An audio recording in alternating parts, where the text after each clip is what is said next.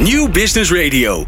Let's Talk Business. Met nu People Power met Glen van der Burg. People Power is een programma over de kracht van mensen in organisaties. Met interviews en laatste inzichten voor betere prestaties en gelukkige mensen. Deze week gaat Glen van der Burg in gesprek met... Rob Haring, HR-manager bij Topdesk, is de gast in onze reeks over, uh, ja, over HR Creates People Power. You cannot build an organization fit for the future if it's not fit for human beings.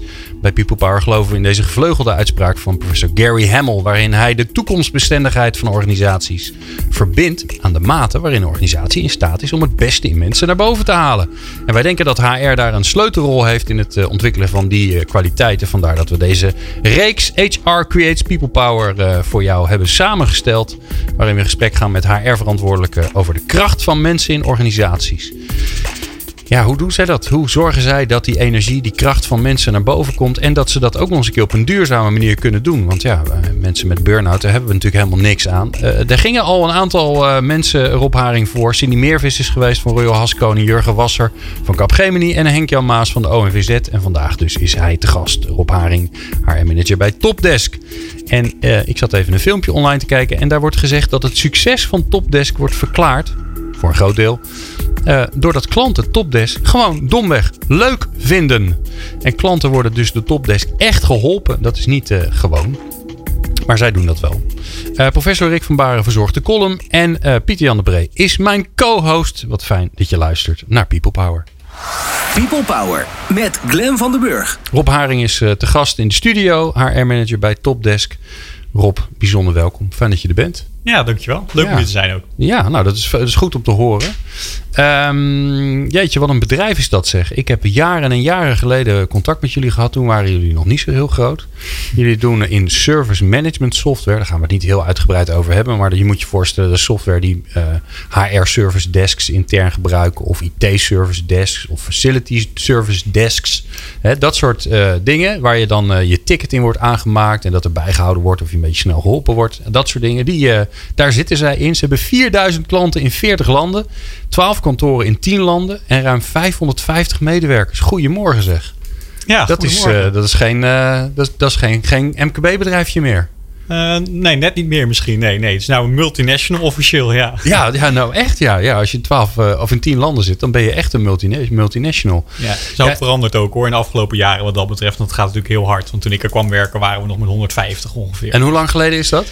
Uh, bijna 11 jaar. Oké, okay, nou Gestaag. Ja. Gestaag doorgegroeid. Ja. Hey, uh, laten we eens even beginnen bij het begin. Um, um, en dat vraag ik eigenlijk aan, aan alle HR-managers, HR-directeuren die hier komen. Wat is nou de grootste business-uitdaging voor Topdesk? Om uh, nou, dat verhaal waarin wij echt geloven dat wij een uh, leuke organisatie zijn om ten eerste voor te werken en om mee te werken, om dat uh, reëel over te brengen. Uh, marketing is moeilijk voor ons eigenlijk, omdat veel organisaties roepen dat ze leuk zijn of dat ze op tijd leveren. Uh, ja, veel van onze klanten zijn bijvoorbeeld overheid. En uh, ik geloof dat wij ongeveer 99% van die dingen binnen budget en binnen tijd opleveren. Uh, maar we weten dat niet altijd even goed over te brengen. Dus gelukkig, okay. als klanten eenmaal klant zijn, dan blijven ze klant. maar uh, klanten die gewend zijn met andere IT-organisaties te werken. Om die daarvan te overtuigen dat het echt zo is en echt kan werken, dat is nog wel eens lastig voor ons. Dus je hebt eigenlijk last van de marketing van, van collega-bedrijven nou, die zeggen dat ze hetzelfde doen. Ja, of dat wij er gewoon niet goed genoeg in zijn. Of dat kan natuurlijk ook ja, ja, ja. een uitdaging daarin hebben. Daar is de marketingafdeling zeker heel erg mee bezig. Maar uh, het is lastig om een echt verhaal op die manier goed over te brengen. Want veel mensen roepen dat. Dus, okay. dus hoe krijgen jullie de meeste mensen binnen? Ja, dat gaat toch echt ook uh, via via. Dus ook nog steeds. Dus als je eenmaal veel organisaties in zorg of overheid als klant hebt, die mensen spreken elkaar uiteraard op allerlei congressen. Uh, en die hebben dan ook een veranderd traject of een ander traject waarbij uh, ons software en consultie eventueel aan de orde kan komen. En als ze daar natuurlijk heel tevreden over zijn, dan zullen ze dat tegen collega's zeggen. Um, en dat helpt heel erg, ja. Ja, ja. Ja, want dat is grappig. Hè? Mijn, mijn volgende vraag, als je, als je weet wat je business-uitdaging is, dan is ook de vraag van ja, hoe, hoe belangrijk zijn mensen er dan in om, om dat, dat vraagstuk op te lossen? Hè? Die, ik zie het een beetje voor, voor me als een soort olievlek waarbij jullie klanten eigenlijk andere klanten weer infecteren. Mm -hmm. Ja, maar wat is de rol van jouw mensen daar dan in? Ja, dan ben ik natuurlijk niet heel objectief, maar die is extreem belangrijk. En wij zeggen zelf, zoals je dat zelf ook in het filmpje ziet, dat dat eigenlijk het onderdeel van ons succes is. Onze bedrijfscultuur, onze mensen maken het verschil. De tool is prachtig, maar er zijn veel mooie tools op de markt. Eh, het verschil maak je in dat de mensen die bij de klant op bezoek gaan, plezier hebben in hun werk en dat uitstralen. En met veel enthousiasme die klant echt willen helpen. En dat zorgt voor die goede resultaten en die groei. En bijvoorbeeld ook in de buitenlanden. Ja, ja want ik kan me voorstellen dat mensen denken: nou, hè, jullie maken software. Hm? Dat, is, dat, hè, dat is er op een gegeven moment. Dat is, wordt gemaakt door mensen en wordt verbeterd door mensen. Maar waar, daarnaast is er een hele belangrijke menselijke component. Ja. ja. En, en waar zit die dan in? Uh, Zo moeten wij ons dat voorstellen?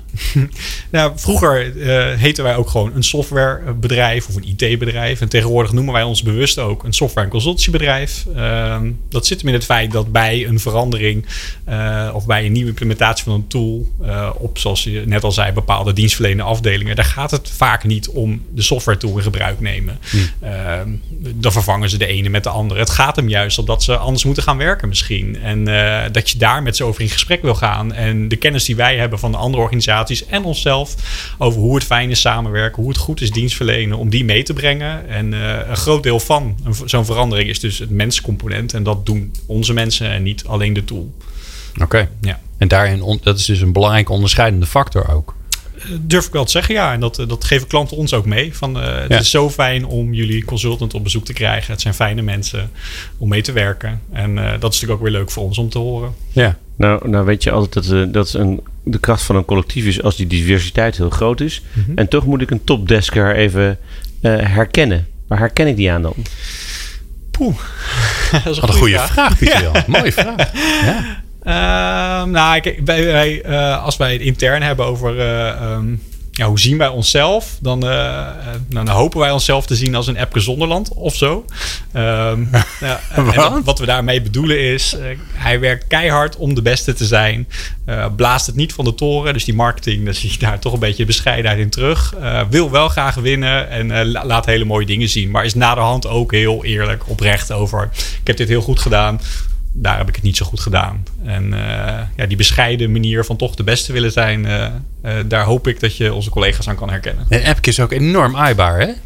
Ja, nou, ik weet niet of wij dat zijn, want hij is het wel extreem. Ja. als je hem in beeld ziet. Het, het, zal misschien niet voor alle collega's gelden, maar voor een, een IT-bedrijf denk ik wel dat wij ja, wel vriendelijk of feminiem zelfs een beetje overkomen. Ja, ja. ja. grappig. Ja, jullie, uh, een van jullie twee oprichters, hè, het filmpje wat ik uh, gezien heb op, uh, op jullie website, zegt, zegt een van jullie twee oprichters letterlijk: Ja, wij doen goede zaken omdat klanten ons leuk vinden. Mm -hmm. En daarna gaat hij zich een soort van verontschuldigen, want leuk is vaak zo'n zo'n soort ja, een beetje een, een, een, een niksig woord. Ja. Ik vind dat overigens niet hoor. Ik nee, vind leuk een fantastisch woord. Ja, plezier, al die dingen. Ja, maar het klinkt een beetje, ja, hè, als je zegt wat is onze USP? Nou, wij zijn leuk. Mm -hmm. um, um, de vraag is natuurlijk wel, ja, hoe zorg jij er nou voor dat dat ook zo blijft? Ja. Want je, je, nou, je zegt het zelf, in elf jaar gegroeid van nou ja, 100, 150 naar, uh, naar 550. Je zit in allerlei in veel landen. Ja. Dus je zit ook verspreid over de wereld. Dus je ziet hè, dat dat onderling contact wordt ingewikkeld. Hoe doe je dat? Ja, een belangrijk onderdeel begint wel al bij uh, selectie. Uh, en ook daar gebruiken we het woord leuk. Wij zoeken eigenlijk leuke mensen. Dat is heel gek. Uh, Hoe vertaal je dat in, de, in het buitenland? Want het is ook best wel een Nederlands woord, toch? Ja, leuk. Ja. Oh, en uh, daar zijn we ook zeker wel eens... dat is wel eens een uitdaging geweest. Ik heb zelf ook, toen we in het begin naar België gingen... veel gesprekken daar gedaan. Dat doe ik ook wel eens voor andere landen. ja, het is wel... De landencultuur moet je rekening mee houden. Dus in het begin ga je een hoop mensen afwijzen... die misschien achteraf gezien hartstikke goed leuk waren. En leuk waren. ja. Maar simpelweg omdat je dat met je eigen beperkte visie niet door had... ehm, kom je daar later achter. Maar ja, wij letten gewoon wel echt op persoonlijkheid in de Dus als ik de keuze krijg tussen uh, iemand die uh, um, twee masters cum laude heeft afgerond aan de TU Delft... of één iemand die er net een paar jaartjes langer over heeft gedaan... maar een stuk vriendelijker, opener, eerlijker overkomt in het gesprek... zullen wij altijd die tweede kandidaat aannemen. Hmm, en niet alleen op dus schoolvaardigheden of hoge cijfers kijken... maar kijken naar de mens achter. tuurlijk moeten ze slim genoeg zijn... maar uiteindelijk als ze daar voldoen... dan kiezen we liever de leuke persoon die de cultuur gaat begrijpen en uh, die dat ook uitgedragen naar klanten. Ja. Als je nou kijkt naar jouw, uh, jou, jou, jouw doelstellingen voor dit jaar. Laat maar eens even 2018 nemen. We zijn al niet zo heel ver gelukkig. Mm -hmm. Welke, welke vraagstukken of, of uitdagingen staan er dan van jou bovenaan? Noem je je, to, je top drie van de dingen dat je denkt, nou daar, ga daar ben ik dit jaar echt heel druk mee bezig. Ja, ik durf het bijna niet te zeggen, maar wij zijn net als veel organisaties op een deel van, uh, van de organisatie naar een, met een agile verandering bezig. Aha. Natuurlijk. Nou werkt onze uh, softwareafdeling daar al een jaar of zeven mee, denk ik. Maar ook ja. onze uh, afdelingen sales, consultancy en support zijn nu niet meer afdelingen sales, consultancy en support. Maar die werken cross-functioneel in kleine teams. maar die verandering is nog volop gaande. Daar komt ook bij kijken dat we ja, we hadden al nooit echt een functiehuis. Maar het afgelopen jaar zijn we ook gestart met een nieuw. Nou, eigenlijk geen salarissysteem waarin geen schalen zijn en functies. Maar ja, iedereen werkt voor Topdesk. Je vervult bepaalde rollen, die combineer je ook. En uh, de uitdaging is om mensen daarin mee te nemen en ze ja, te laten zien hoe fijn het is om zo vrij te werken. Dat je gewoon de dingen gaat doen die je denkt die nuttig zijn, die je leuk vindt. En dat het geen enkele consequentie heeft op je salaris, positief of negatief. Ja, natuurlijk als je het goed doet, groeien. Maar dat maakt niet uit in welke rol je dat doet. Uh, ook niet of je hiërarchisch groeit of niet. Uh, gewoon, als je het goed doet, kan je groeien. En uh, we hebben één ding voor iedereen. Hetzelfde okay. toppen, hetzelfde stappen, hetzelfde. Maakt niet uit wie. Maar even, even dat ik het snap. Hè. Mm -hmm. luisteraar snapt het al lang, gelukkig. Maar dat ik het, dat ik het ook begrijp. Normaal is het zo, hè, je hebt een functiehuis, die wordt, wordt hè, binnen grotere organisaties, dan wordt de functie gewaardeerd. Hè. Dit is een ingewikkelde functie, dus die uh, is wat meer waard. Of deze heeft meer expertise, of er zijn minder, uh, minder mensen voor beschikbaar. Of dit is een leidinggevende functie en die is, die is hè, traditioneel gezien altijd meer waard. Wat onzin is, maar dat, hè, dat is wel zo. En jullie hebben gezegd, dat gaat, die, die, die verbinding die is weg. Ja. Dus iedereen doet zijn ding, mm -hmm. neemt zijn rol en je wordt beloond naar ja, hoe word je eigenlijk beloond dan? Ja, ja nou, het, zo extreem is het op papier. In de uitwerking uh, moeten we natuurlijk nog wel kijken hoe dat echt goed gaan uitvoeren. Want er is wel degelijk verschil in bepaalde verantwoordelijkheden die je neemt. En um, nou staat er niet per definitie vast. Als je die verantwoordelijkheid neemt, krijg je dus meer dan de ander. Maar je moet er wel rekening mee houden met, uh, met, met verhogingen en beoordelingen. Maar het begint al bij het begin. Dus iedereen start uh, afhankelijk van je uh, opleiding en werkervaring op hetzelfde salaris, ongeacht je functie. Dus of je nou software developer bij ons wordt, HR-adviseur, uh, grafisch vormgever, iedereen start op hetzelfde bedrag. En dan heb je dus al gelijk aan het begin um, die mooie vlakke lijn. Okay. Bijna communistisch zou je kunnen zeggen. Ja, ja. Maar vanaf dat moment gaan er wel verschillen ontstaan in hoe je het doet. Dus draag je meer bij de organisatie, heb je jezelf persoonlijk sneller ontwikkeld dan mensen om je heen. Um, ja, dan zet je grotere stappen. Mooi. Nou, ik ben heel benieuwd hoe, hoe dat dan gaat. Hoe dat dan in elkaar zit. En de, ik kan me voorstellen dat jij dat ook wil weten. Nou, of uh, Toch? zeker. Ja, ik ben ja. heel nieuwsgierig. Ik zeg, dat klinkt dat, een hele leuke ja. met, met heel Mooie veel vragen. Hè? Ja, nou. Ja, we gaan met een cliffhanger gaan we dat straks horen. People Power. Inspirerende gesprekken over de kracht van mensen in organisaties. Met Glen van der Burg. En Pieter Jan de Bree. Zeker. Zeker. En Rob Haring is de gast, HR-manager bij Topdesk in onze serie HR Creates People Power. We hadden het net al even met Rob over um, dat, uh, ja, dat is eigenlijk de, de verbinding tussen uh, wat je doet en wat je betaald krijgt uh, los hebben gelaten. Dat is, dat is best spannend. Hè?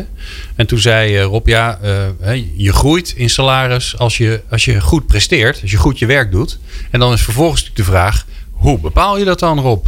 Hè, dus hoe, ja, hoe weet ik als, als werkende bij Topdesk dat ik het goed doe? Ja, nou, dat is nog niet zo makkelijk te beantwoorden.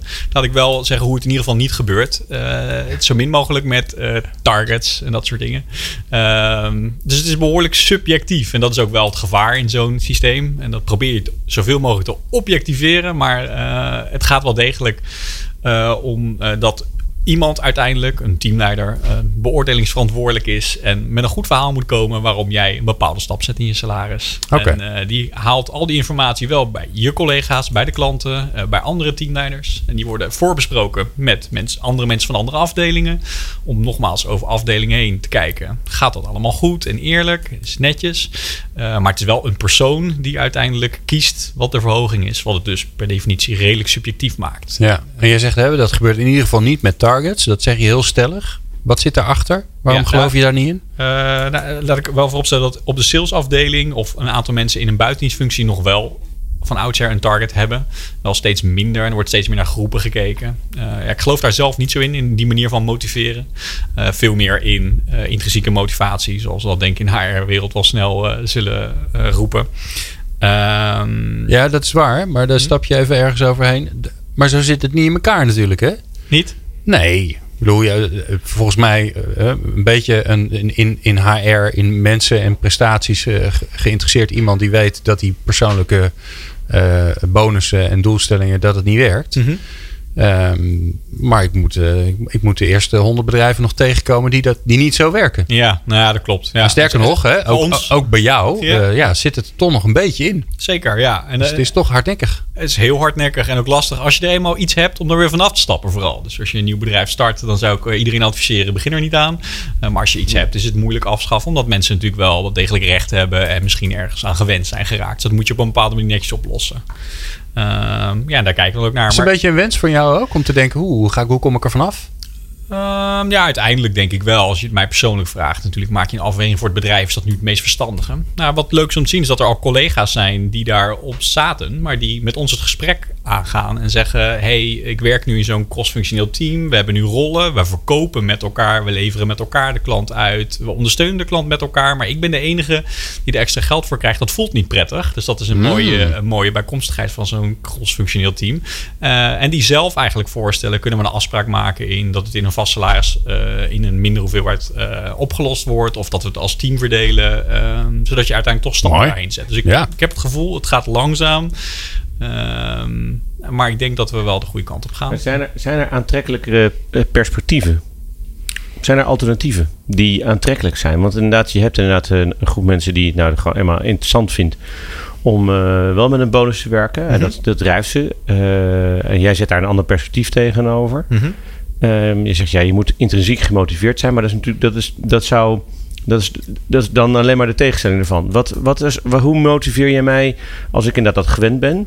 En eh, ten opzichte van iemand die dat niet gewend is en dus ook niet beter weet, want daar zou, zo zou je het ook uit kunnen leggen. Dus, dus wat zijn de aantrekkelijke alternatieven om mij toch te motiveren om voor dat andere eh, perspectief te gaan en te zeggen, eh, maar ja, weet je wat, daar zit eigenlijk, is, daar, daar word je happier van. Ja. Gelukkiger. Het leven is leuker. Dus help mij eens dan.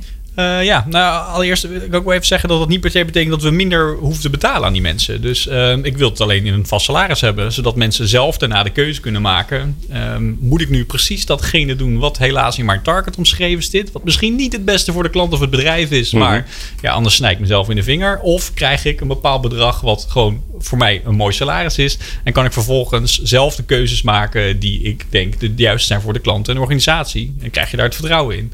Ehm, dus uiteindelijk, eh, als je dat mensen voorhoudt en ook uitlegt, van, joh, eh, dan mag je echt zelf je pas je baan eh, vormgeven. Ja, ik denk wel dat ze daar meer door gemotiveerd raken dan ik moet luisteren naar dit systeempje Ja. wat daar is. Ja. En dat, ja, dat zie je vooral ook wel bij ons, bij de hoog, gemiddeld hoogopgeleide mensen, denk ik wel terugkomen. Ehm, ik moet wel zeggen, er zijn altijd mensen die, die wel gemotiveerd raken door een bepaalde target en een bepaalde scoringsdrang hebben en het fijn vinden om iets te halen aan het einde van het jaar. Eh, daar wil ik ook niet omheen. En dat kan nog steeds. Hè. Dat doen we ook in die eh cross-functionele teams. Ze mogen zelf bepalen eh, wat denken ze een marktsegment te veroveren. Of hoeveel hoog klanttevredenheid willen ze scoren aan het einde Ja. van het jaar. En daar Ja. naartoe werken, dat werkt wel prettig. Maar de vraag is of er geld, of er geld aan vast moet gaan. Ja, de financiële com- component zou je daar liever uithalen wat mij betreft. En je zou eh, mensen voldoende moeten betalen zodat ze het wel naar zin hebben. Hey, eh, Rob, wij, eh, wij zijn een, een fan van eh, de mooie uitspraak van, van Gary Hamel, professor Gary Hamel. You cannot build an organization fit for the future if it's not fit for human beings. Vooral omdat hij eigenlijk zegt, ja, om, om in te kunnen spelen op alle veranderingen die eraan zitten te komen in de toekomst, moet je, heb je het beste van mensen nodig. Wat doe jij daar nou aan om mensen te zorgen dat mensen het beste in zichzelf kunnen geven aan de organisatie? Eh, ja, gelukkig doe ik dat helemaal niet alleen natuurlijk, maar het is een uitstekende vraag. Ehm, ja, wij werken eh, heel erg vanuit talenten van mensen. Eh, ook dat is in de HR wereld niet origineel, maar ik wil wel graag ons verhaal toelichten. Ehm, eh, het boekje Discover Your Strength is denk ik wel bekend. En anders eh, ehm, lees het vooral een keer. Dat gaat vooral in over iedereen heeft bepaalde talenten. En als je daar een onderzoekje naar doet, dan krijgt iedereen bijvoorbeeld vijf sterke punten waar vanuit ze het fijnste werken. En, en gewoon Wil jij het hebben. boekje van Marcus Buckingham? Denk het wel, hè? Ja. Ja, die is het. En ja. ehm, eh, ja, eh, ik weet niet hoe die in het Nederlands Ontdek je heet. sterke punten. Ontdek je Ja. sterke punten, Ja, dank je. Eh, nou, En ehm, eh, dat gebruiken wij onder andere als basis voor functioneren binnen onze organisatie. Dus iedereen mag die trainingen volgen. Die geven intern ook. Die krijgen die boeken ook. In teamverband of individueel. Ehm, vervolgens gaan we met ze kijken van joh, wat past er nou? hoe kan je dat het beste, die punten gebruik maken in je werk? In welke rol? doe dat ook met je team, zodat je van elkaar leert. Waar zet ik jou voor in? Waar word jij gelukkig van? Waar word jij niet zo gelukkig van? en op die manier zie je dat mensen gewoon ja, net iets meer tot hun recht komen op verschillende manieren en elkaar in kunnen aanvullen. En daar hebben ze dan plezier in en uh, zorg je voor uh, energie, zou ik zeggen. Ja, en nou, nou, nou, hoor je veel mensen hoor je daarover. Hè? Dus uh, we komen zeg maar uit een tijd dat iedereen zei: ja, je hebt een functie, je moet gewoon alles doen en je moet niet zo aanstellen. Of ook de dingen waar je niet goed in bent, die moet je vooral, hè, daar moet je vooral in verbeteren. Mm Nou, daar gaan we nu een beetje. Je hoort nu steeds meer mensen praten over die sterktebenadering. Hè? Ja. Maar wat je, wat je wat je toch nogal hoort, is dat veel mensen zeggen: ja, maar er zijn dingen die wil niemand doen. En um, ja, dus er zijn altijd dingen die je moet doen. Um, en, um, uh, en hoe ga je daar nou mee om? En wat ik zo interessant vind, is dat uh, dan, dan gaat het ook spannend worden. Het gaat spannend worden op het moment dat je, dat je, dat je eigenlijk krijgt dat mensen zeggen: ja, hè, we willen allemaal deze dingen doen. Deze dingen zijn we allemaal goed in. En er blijven dingen over. Hoe ga je daar dan mee om? Ja, daar heb ik geen algemene beleidsvraag of antwoord op, denk ik. Um, of kom je het niet tegen? Dat kan natuurlijk ook. Je zegt ja, dat is een angst die is gewoon onzin. Dat gebeurt gewoon niet. Nee, eh, ik denk wel dat er soms dingen zijn op een dag waarvan collega's zeggen dat is niet het leukst aan mijn baan of zo. Uh, zolang je uh, wel die inhoudelijke verdieping vindt, regelmatig in je kracht gezet wordt, zodat je daar energie aan hebt, is het denk ik ook niet zo erg om af en toe um, wat taakjes op te pakken die gewoon voor de grotere goed van de organisatie nuttig zijn om even af te vinken en daar een bijdrage aan te leveren. En zolang je inzichtelijk maakt wat die bijdrage is en wat het allemaal relevant maakt uiteindelijk voor de klant, uh, denk ik dat het minder vervelend is. Uh, ik, maar ja, ik denk niet dat, dat het in ons geval ook een doel is om alle onwenselijke dingen of kleine taakjes die mensen niet zo interessant vinden weg te automatiseren of niet te doen of zo. Ik, heb daar niet echt een goed antwoord op gegeven. En, en, eh, hoe, en hoe, want eh, ik zie dan voor me, hè, dat, normaal is het zo dan mensen, hè, vroeger, uh, bij jullie dus niet meer, maar dan hadden mensen een functie en dan bij bepaalde dingen van ze verwacht. Mm Jullie mhm. zeggen, nou nee, je moet op zoek gaan naar waar je, waar je sterk in bent, mm waar je sterke punten liggen. Ga dat vooral doen. Um, maar dat betekent ook dat er heel goed afgestemd en gecommuniceerd en overlegd moet worden van ja, wie doet dan wat? Hoe doe je dat? Ja. Nou, mensen hebben nog steeds natuurlijk wel een rol. Dus uh, je bent nog steeds wel in die zin hoofdzakelijk consultant als je ooit consultant was in de afdeling consultancy werkt. Alleen het staat je ook vrij om mee te gaan met uh, sales trajecten en met account manager, omdat je daar meer in wil verdiepen. Um, uh, ja, hoe, je dat doet. um, maar is het een taak van de leidinggevende om dan vervolgens dat hele breiwerk maar... Hè, dat is een soort puzzel waarbij je allerlei... Hè, normaal was het zo dat iedereen was een vierkantje. Ook, al, uh, ook al zitten mensen zo niet in elkaar. Dan was wel makkelijk, hè, dat was wel makkelijk de puzzel leggen. En nu heb je allemaal vreemdvormige puzzelstukjes die je aan elkaar moet plakken. Ja, en ja, die verantwoordelijkheid ligt toch hoofdzakelijk bij het team zelf. Uh, dus het is niet een leidinggevende die dat inkleurt. Uh, mensen weten, we zijn bijvoorbeeld met acht of negen en we moeten deze klantgroep ondersteunen. Hoe gaan we dat met elkaar het beste doen? Hebben wij natuurlijk de luxe dat uh, ongeveer 95% van die mensen zeer zelfstandig hoogopgeleide mensen zijn die je, nou, sterker nog, absoluut niet moet vertellen wat ze moeten gaan doen. Dus dat maakt het wel net iets anders dan een andere organisatie, denk ik. maar ze, ze, ze, ze lossen dat zelf op. Ze weten gewoon, die klantgroep moet bediend worden. Ehm, ehm, hoe, hoe, tevreden ze zijn, hoe beter. Uh, er is wel een leidinggevende, maar die is vooral om te bewaken. Ehm, ontwikkelen mensen zich nog? met welke talenten zijn ze bezig? En een, uiteindelijk een salariscomponent aan het einde van het jaar. Maar die doet eigenlijk zo goed als niets aan inhoudelijke sturing van zo'n team of zo. Dat is net als mijn voorgangster. Dat zijn redelijk zelfsturende teams. Met een paar rollen die op het proces zitten of op uh, inhoudelijke verdieping zitten. Maar uiteindelijk is dat niet iemand die dus dat vertelt. Nee. Oké, mooi. Dus het is het enige, of het enige, dat klinkt zo plat, maar jij, je, je faciliteert ze om erachter te komen waar ze dan goed in zijn. Ja. En vervolgens krijgen ze in hun team de ruimte om, ja, om, om daarin de rol te pakken of de invulling te zoeken die, die in dat team het beste past. En eigenlijk heb je er dus ook helemaal geen last van dat er dingen overblijven. Of dat ze bij jou aankloppen en zeggen: Kijk, dit is wat niemand van ons wil. Veel succes ermee. Uh, nee, dat, gelukkig niet. Nee, nee. Het enige wat nog wel lastig is, is natuurlijk dat uh, de banenmarkt nog grotendeels wel zo werkt. Hè? Dus kijk, wij zoeken veel mensen. En als je dan een, een, ja, een, een vacature zou plaatsen waarin zegt: hey, uh, kom bij ons werken. Het maakt niet uit voor wat. Ja, kom hier doen waar je goed in bent. Wij gaan wel zoeken waar je goed in bent. Ja, dat werkt natuurlijk niet. Dus mensen die hebben toch een bepaald gedachte van: ja, ik wil later consultant of software developer worden. Ja. En uh, dus daar solliciteren mensen ook bij ons terecht op. En natuurlijk is dat dan ook de rol waar ze vanuit weggaan. En uh, ja. ja. voor mezelf geldt het ook. Ik, ik, werkte ook ooit als accountmanager bij ons bedrijf en heb later de HR ontdekt. Ja. Um, maar ja, dat is, dat is nog wel een lastige uitdaging waar we nog wel ja, naar, naar een mooie oplossing zoeken. Want hoe ga je de arbeidsmarkt overtuigen van het feit dat denken in vaste functies eigenlijk niet ja, Die nieuwe taal die is er daar nog niet. Dus nee. dat is wel ja, mooi. Hey, um, dankjewel, uh, dankjewel Rob. We gaan straks uh, bellen met uh, Rick van Baren. En eigenlijk vorige maand, tijdens het gesprek met Henk-Jan Maas van de ONVZ, is er een, nieuwe, ja, een, nieuw, een nieuw initiatief geboren. Dat is namelijk dat onze studiogast de vraag stelt aan onze columnist, of in dit geval aan, aan, aan Rick van Baren. Dus dat hoor je straks. De vraag van Rob Haring aan Rick van Baren. Hoor je zo. Meepraten of meer programma's? people-power.nl Elke maand bellen we met Rick van Baren. En sinds vorige maand hebben we een nieuwe traditie. En dat is namelijk dat onze studiogast een vraag stelt aan Rick. Dus eigenlijk krijgt hij gewoon gratis consult. Het is niet te geloven, hè? Wat een dienstverlening.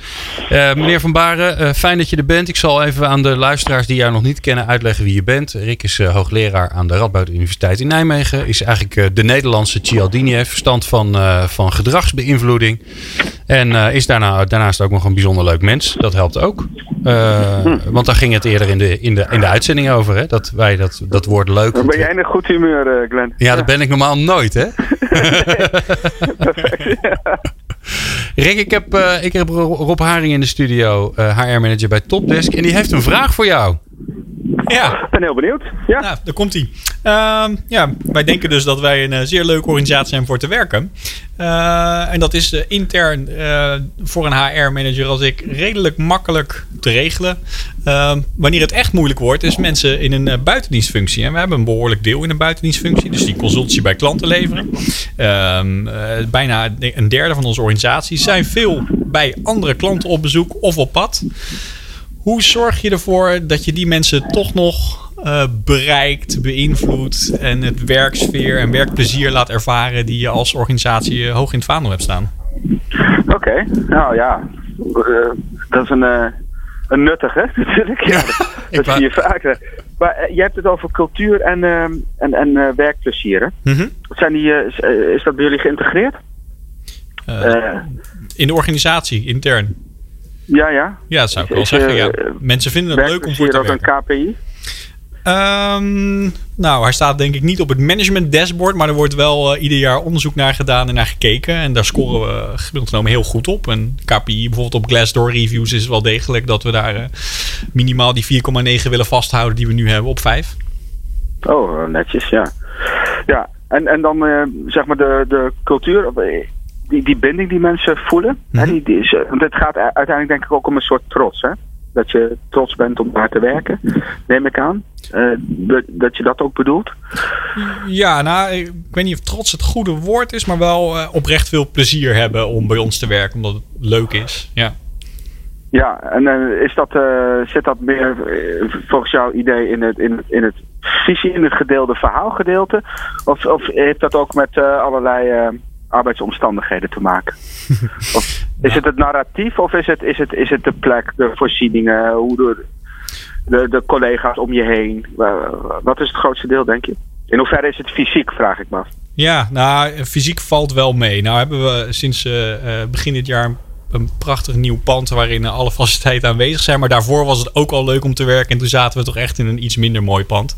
Uh, ja. Dus ik denk niet dat het fysiek is. Het is wel degelijk gewoon uh, dat je al je collega's altijd een vraag kunt stellen. Dat ze bereid zijn om te helpen. Uh, dat je vrijgelaten wordt. Dat je zelf je rol kan vormgeven. dat soort ja. dingen zijn heel belangrijk. Ja, precies. precies. En, en voor die, band, die buitendienstmedewerkers zijn veel op pad. Ja. veel weg. Die komen op, op andere plekken. Die hebben daar niet per se in hun dagelijks werk. Komen ze ook in andere culturen. Ja. Uh, hebben ze meer of minder vrijheid. Ja, voor de cohesie. Want het gaat, je wil, als je cohesie daarin wil. Dan is uiteindelijk is betekenis. Hè. Dan gaat het om het narratief. Van uh, wat je ervaart om bij een bepaalde opdrachtgever te werken. Dus je kan het, het kan deels in het fysieke zijn. In de contacten zijn. Maar het, als het verhaal iets is waar je heel erg trots op bent waar, waar, jullie voor staan. Hè, topdesk, wat, wat, wat is dat en, en waarom past dat goed bij je persoon?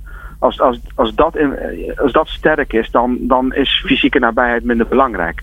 Dus daarom vraag ik daarna van op welk niveau zit dat, uh, ervaren ze dat werkplezier. Want anders heb je een uitdaging of een kans in het, in het uh, meer ja, in het visiestuk.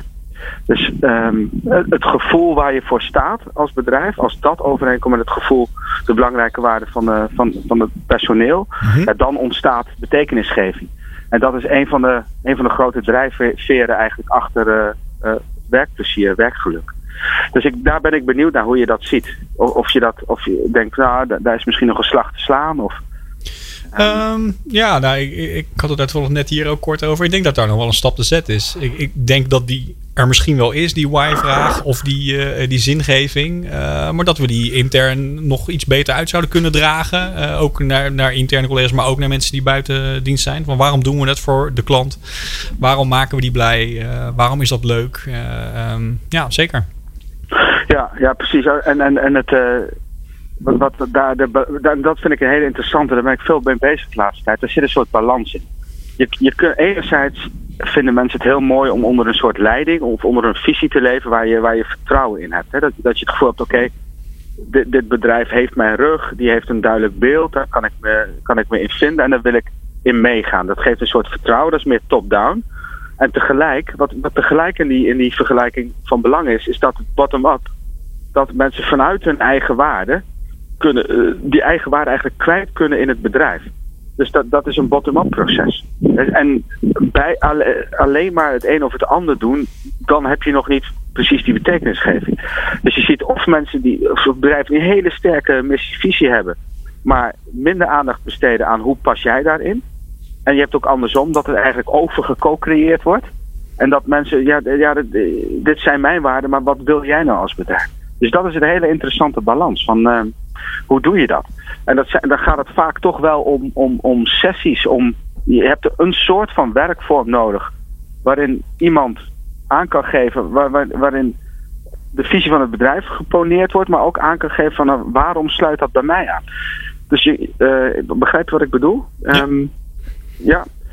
En, en, ik heb laatst was ik toevallig bij zo'n sessie waarbij er een, een, wel een, een visie van het bedrijf was over wa waarom zijn ze op aarde. En dat ging dan om het uh, ja, uiteindelijk mensen met een uh, beperking een, een, een, mooi leven geven. En daar deden we een, een, sessie waarbij we die visie eigenlijk door, door de medewerkers zelf lieten um, vormgeven in de zin van een, een, verhaaltje of, of een voorbeeld of een brief of wat dan ook. Die uit hun eigen motivatie uh, sprak. Dus, dus wat vind jij aan die visie? Wat raakt jou daarin? En welk voorbeeld kun je vinden? En heb je een voorbeeld in je werk? Heb je iets? Heb je een verhaal waarvan je denkt: oké, dit, dit betekent die visie voor mij. En ik denk dat dat proces moet gebeuren. dus als je dat hebt met je buitendienstmedewerkers, dan, dan denk ik dat je die slag wel kan slaan. Leuk, ja. En Rick, Rick zeg je daar dan eigenlijk ook in... Um, uh, zo'n grote en meeslepende missie en visie is prachtig. Maar zolang je dat niet kan he, zolang je niet de verhouding met jezelf kan zoeken van oké, okay, wat, wat betekent dat voor mij, maar wat is ook mijn rol daarin, dan, dan, mhm. dan is die verbinding er niet en dan betekent het ook niet zoveel. Dan kun je jezelf misschien wel nietig voelen daarbij. Ja, ja dan, dan kun je nog steeds wel, zeg maar, dat kan je inspireren. Zo'n goed verhaal zal je zeker wel inspireren. Maar dan zit het niet in je lijf. En het probleem daarvan is, uh, en dan, dan komt dat is een probleem waar, waar, waar, waar ik er eigenlijk meestal in kom, omdat mensen dan naar me toe komen. Is dat ze zien dat het gedrag van de medewerkers niet per se visie gedreven is. En want je, hebt een visie en er hoort uiteindelijk bepaald gedrag bij. Je doet iets voor die eindklant en dan heb je bepaalde houding en gedrag. En die, die wil je uit die visie hebben. Dus dat mensen niet, dat je die niet heeft, heeft hoeft te zeggen wat ze moeten doen, maar dat ze dat zelf snappen vanuit die visie. En als die visie dan wel groot en meeslepend is, maar niet aan jouw persoon geraakt is, dan is dat heel moeilijk. Dus dat is een heel lang antwoord op ja, wat je zegt. uh, dat is waar. Maar het, eh, ik, ik, bedoel het ook weer niet uh, per se dat je dat dan op persoonsniveau heel praktisch moet maken. Er hoeft niet zo van, en wat ga ik nu doen? Nee, het is meer van dat groot, grote meeslepende verhaal. Wat betekent dat voor jou? Hoe, hoe ja, ja. voel jij je daarbij? Welke delen raken jou daarin?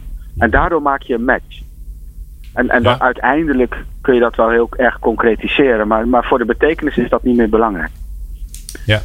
Dus Ik- weer die ja, balans, dat is, een hè, nuance, Rick? dat is een nuance, Glenn, sorry. Ja. Nou ja, wel mooi. Weer de, toch weer de balans. Niet het een, niet het ander, maar, maar allebei. Dus dat vind ik wel weer Ja. mooi. Dat is toch een beetje de terugkerende thema waar eh, als we jou aan de telefoon hebben. Eh, dankjewel. Ik kijk even. ik loop daar ook wel tegenaan, zeg maar. Ik, ik heb dat zelf ook in het adviseren van bedrijven. Dus soms denk eh, ik, heb de afgelopen jaren gedacht, oh, of het probleem is, eh, het is uiteindelijk niet eh, persoonlijk, er, is, er zit geen persoonlijke binding in, hè, of er is geen groot verhaal. Dus ik dacht altijd dat het probleem aan een van de twee kanten lag. Maar het is uiteindelijk, heb je ze allebei en. nodig. Ja. Ja. Ik kijk even gewoon, naar. ouder worden, ervaring, zeg maar. ouder worden. Ja, Ja. dat is een goede tip. Bedankt. Ja. En dat gaat vanzelf. Ik kijk even naar, eh, naar Rob of die gelukkig en tevreden is. Ja, zeker. Ja, zie Ja. je. Nou, kijk. Dat, en daar doen we het allemaal voor, toch? Rick, Ja, eh, nou, eh, mooi. ik vind het eh, eh, eh, kort evaluerend hoe wij deze vorm vinden. Ik vond hem weer fantastisch. Hoe vond jij Nou, het? dankjewel. Ja, ik vind het eh, superleuk. Nou, dan Ik vind we. het heel leuk om, eh, om dan eigenlijk een beetje on the spot snel te moeten graven. En oké, wat vind ik hiervan? Ja, heel leuk. Mooi. Dan wil ik Ja. jou weer bijzonder bedanken en spreken we je volgende maand weer, Rick. Dankjewel. Rick van Baren. hey, veel plezier jullie. Oké. Yo, hoi hoi. People Power. Inspirerende gesprekken over de kracht van mensen in organisaties. Met Glenn van der Burg. In de studio hebben we Rob Haring, HR-manager bij Topdesk. Bijzonder bedrijf eh, ja, waar, waar leuk een belangrijk woord is. En wij vinden leuk ook een, een belangrijk woord. Dus dat komt mooi uit. Hè. Dat voelt alweer goed. Ehm, Rob, we zijn aan het laatste stukje van het programma eh, aangekomen. En dat vinden wij altijd leuk om dan eh, ja, om, de, luisteraars ook een beetje op weg te helpen. Als ze denken, ja, wij, wij willen ook wat, wat meer plezier, wat meer, meer eh, geluk, wat meer energie in de, in de organisatie krijgen. Ehm, wat, is nou, wat is nou het ding waarvan jij denkt, oké, weet je, daar ga ik het komende jaar, daar, als ik dat aan het einde, einde van het jaar voor elkaar heb, dan heb ik echt een goed jaar gehad. Ja, dat zit hem toch waar we het iets eerder over gehad hebben. Als we die ehm, transitie volledig afgerond hebben, die verandering ehm, met de manier van werken aan ons klantgedeelte. Dus eh, de klantgerichte functies. eh, dat die. Het agile, zeg maar, dat je ook dat... dat Ja, en agile is dan natuurlijk een hip woord hoor. Daar, daar gaat het eigenlijk niet eens om. Het gaat erom dat zij. Kijk, als je zo hard groeit, dan ben je op een gegeven moment een consultieafdeling van 110 man groot. En hoe Ja, ja. is het dan nog eh, voor jou persoonlijk om te zien wat is mijn onderdeel eh, in deze enorme hoeveelheid klanten en in deze groeiende organisatie? Hoe, eh, wat, wat is mijn deel van het succes en hoe, eh, hoeveel invloed heb ik nog? En juist door in kleinere teams te gaan werken en crossfunctioneel te gaan werken, zie je echt weer, hey, voor deze groep klanten ben ik bezig, daar geloof ik in, daar krijg ik energie van, van met die, met die groep klanten en deze directe collega's werken. En met dit kleine soort van mini-bedrijfje maak ik weer een verschil. en hoe groot is dat kleine mini-bedrijfje dan? ja, het verschil tussen de zes mensen tot een, ongeveer 15 geloof ik. En ik geloof dat de boeken dan zeggen, joh, eh, 6 plus 3 min 3. Maar eh, in dit klantgedeelte kiezen wij voor iets groter. Zeker omdat er wat buitendienst bij zit. Eh, en en ja, je ziet wel dat... de En die leveren eigenlijk voor de klant, leveren zij de service. Dus Ja. alles zit daarin. Ja, dus van het eerste contact van potentiële klant tot aan eh, uitlevering en eh, opvolging En hoe, daarin. want dat zijn er dan best wel veel teams. Mhm. Hè? Ja. Eh, En hoe, ja, hoe zorg je dat ze, dat ze een, een behapbaar, duidelijk deel van jullie klantportfolio hebben? Hoe deel je dat dan weer in? Ja, dat is wel heel saai ouderwets. Gewoon eh, marktsectoren. Dus je hebt eh, onderwijs, zorg, overheid, eh, dienstverlening. eh, dat soort termen. Wat zijn er dan? Waarop ze een bepaalde klantgroep. Dus lokale overheid is een klantgroep. Rijksoverheid is een andere klantgroep. Die hebben natuurlijk wel veel met elkaar te maken. Ja. Eh, er zitten twee verschillende teams op. Die dan in dit geval, dit voorbeeld, veel samenwerken. Maar uiteindelijk eh, organiseren ze zich zo. En als zo'n team heel succesvol is, dan worden ze te groot. Ehm, Toch? Ja, dat zou je zeggen. Ja. Ja. Daar zitten we nu nog niet, maar dat vind ik een eh, logische En, aanname. en ja. dan? Weet je al wat je gaat doen als ze te groot worden? Of is, heb je zoiets van, nou, dat zien we dan weer. Nee, nou, je ziet nu wel al bij bijvoorbeeld overheid, waar veel van onze klanten ook zitten, eh, dat je dan ehm, twee à drie subteampjes krijgt. Dus ze werken samen in een sector, maar die gaan dan toch zich weer opsplitsen. eh, Waarvan eh, de een zegt, wij gaan dit deel van de verandering oppakken. Wij gaan die eh klantdag organiseren. Waardoor je toch een natuurlijke manier van eh, ja, verknippen of verkleinen ziet eh, ontstaan Ja. in die groepen. Eh, maar dat wordt niet eh, van ons uit opgelegd of zo. Dus ja, dat mogen ze zelf organiseren. Ja. Ja. En als dat dus aan het einde van het jaar geregeld is... Dan ben je eh, blij. kijk, nu zijn ze zo georganiseerd, maar is het nog erg zoeken en wennen aan de nieuwe rol, de manier van samenwerken. En als ze aan het eind van het jaar eh, daar allemaal eh, zich prettig bij voelen en daardoor de klanten weer nog beter van dienst kunnen zijn, dan ben ik wel gelukkig. Ja. Mooi. En dat is wel interessant. We hadden hier vorige maand hadden we Henk-Jan Maas eh, in de studio van OMVZ. Het leuke was dat hij na, afloop, toen was de uitzending was al, afge, was al afgelopen. Toen zeiden ja, wij zijn, want die vertelde ook dat ze met agile en lean, lean eh, teams, weet ik wat allemaal bezig Ja. waren. Nou, prachtig, hè, hartstikke goed. En toen zei hij ja, eh, wij zijn als eerste begonnen als HR. Want het kan toch niet zo, zo zijn dat je, dat je achteraan loopt als degene die, eh, die de verandering aanjaagt. Dus hoe zit het bij jou Ja, wij, lopen, wij lopen hopeloos achter. Oh, lekker. Nee, Kijk, dat is de reden. Ik ben samen met mijn collega eh Jordi, die is dan eh, van oudsher hoofdconsultancy, eh, sponsor vanuit het managementteam van eh, die verandering. Omdat ik zelf ook vind, ja, we moeten hier snel bij aanhaken. En als je als staf of HR-organisatie eh, achteraan loopt, gaat niet goed. Dus persoonlijk ben ik er zeer bij betrokken. Eh, met ons team zetten we pas de eerste kleine stapjes, als ik eerlijk ben. Oké, maar je gaat wel het pad op. Ja, we zijn aan het kijken ook hoe we dat, hoe die, ja, ze noemen dat een keten, hoe die langer kan maken. Dus sommige teampjes probeer je te koppelen aan de software development aan de voorkant, zodat de klanten nog meer directe feedback hebben op de, het product. Maar je zou eigenlijk ook willen dat bijvoorbeeld, eh, wat we nu al doen, steeds meer eh, sollicitaties, dat je dat samen doet met zo'n team, ook specifiek voor dat team. Dus dat dat niet vanuit HR als staf iemand aanlevert, maar dat we samen op zoek gaan naar nieuwe collega's, inderdaad. Wat mijn eh, voorganger hier het u hiervoor ook al hoorde zeggen. Dat doen we ook wel al, maar Ehm, ons eigen veranderproces is nog best wel traditioneel binnen het HR-team. Dus dat hebben we Ja. nog wat werk te verzetten. Nou hebben we, eh, zijn we nu echt heel, heel erg bijna door de tijd heen. Eh, ja, ons luisterpubliek, eh, zeker van deze serie, er zijn veel veel collega's van jou. Mhm. Wat, zou je, wat zou je aan ze mee willen geven? Aan, aan, de, aan je vakbroeders en zusters? Dus wat, wa- wat is nou iets waarvan je denkt van ja jongens, daar moeten we echt eens een keer mee stoppen of beginnen of dat. Kom op. Ja, daar, eh, dan richt ik me vooral tot de algemene HR-professional. Ik heb een beetje de stille hoop dat mensen die luisteren naar dit programma toch eh, net iets progressiever zijn. Maar ik zou willen zeggen, stop met beleid maken, met regels maken en al die andere dingen. Is zo zonde als je als HR-professional je bezighoudt met dat soort dingen. En alleen maar nee moet zeggen tegen collega's. En ga gewoon stel wat basisvoorwaarden op en ga daarna samen met de mensen in gesprek over wat ze nodig hebben. Neem drempels weg in plaats van dat je ze opwerpt en zorgt ervoor dat ze gewoon eh, volledig in hun kracht komen. Dan eh, komt het echt wel goed. Ja, mooi. Mooi. Ja, en ik, ik, ik, ik vind, eh, want dat is misschien wel hetgene wat me het meest bijgebleven is van jouw verhaal, dat jullie echt die, die strength-based aanpak, die Marcus Buckingham, dat jullie die gewoon echt, echt goed doorvoeren. Want die vind ik wel prachtig. Dus dat boekje, dat moet echt iedereen lezen. Ontdek je sterke punten. Want daar, eh, als we dat allemaal zouden doen, dan, eh, dan gaan we al een hele stap dichterbij naar. eh, Ja, het, over de Gelukkigere Strength mensen. Finder, hè, dat zou kunnen. Ja. Ja, maar dat is dat is hetzelfde. Dat is volgens Ja. mij de website die erbij hoort of Ja. zo. ja, waar dat is je- dat ding van Gallup, toch? De Strength Finder Ja. die jij Ja, bedoelt. Ja, die ja. hoor ik ook ineens steeds Ja. vaker Ja. terug. Ja, dat- dat maar ja, is- dat is weer een tool, hè? Dat is wat ze gebruiken, ja. Oh, dat dat gebruiken jullie ook? ja, ja, zeker. Oké, Ja. oké. Nou, Ja. hoera. Dat is de, de website die er volgens mij bij hoort of zo. Ja. Ja. Kortom, ehm, ik vond het weer mooi. Ik wil jou bijzonder bedanken, eh, Rob, dat je hier was, dat je hier bent. eh, Dat je de moeite hebt genomen om, eh, om met ons in gesprek te gaan. In jouw vast wel eh, eh, bezige, bezige bijenleven. En je komt ook helemaal uit Delft volgens mij. Hè? Dus dat is ook een stukje rijden. En weer een stukje terug. ja, in de file denk ik. Ja, hè? lichtelijk in de file. Meneer De Bree, dankjewel dat je er was. Ja, ik wil inderdaad ook afsluiten. Als ik, eh, want ik vind het zo mooi eigenlijk dat ze weer eh, eh, het geloof in mensen laat, het, laat zien wat, eh, wat, eh, ja, wat de mogelijkheden zijn. Hè? Als, je dat, als je dat doet, en dat vertel jij eigenlijk ook, en dat was de voorganger voor jou ook. Elke keer eh, mensen die hier komen. Ik vond het mooi, je zegt de, voor de progressieve HR-professional. Ik vind dat ook ons luisterpubliek. Heb je net gedefinieerd. Inderdaad, voor de, voor de progressieve HR-professional. Want die inderdaad, die, als die geïnspireerd wil worden, dan, dan, dan heb je verhalen nodig zoals jij. Die zeggen, ja, weet je, we doen het de tikkie naar links, we doen het anders. Dus dat vind ik, eh, ja, dat vind ik mooi. Mooi, dankjewel. Volgende week, heren, eh, zijn we er weer. Zoals elke week. Van 3 tot 5 op maandag live. En natuurlijk op dinsdag uitgesteld. hè, Want dat is het moment dat de meeste mensen luisteren. Ja. En we hebben volgende week een gast. Sterker nog, ik kan je zeggen, we hebben hem al opgenomen. Want eh, voor deze gast hebben we een uitzondering gemaakt. Ik ben naar hem toegetogen met de auto. Met daarin al mijn opnameapparatuur, de mobiele studio.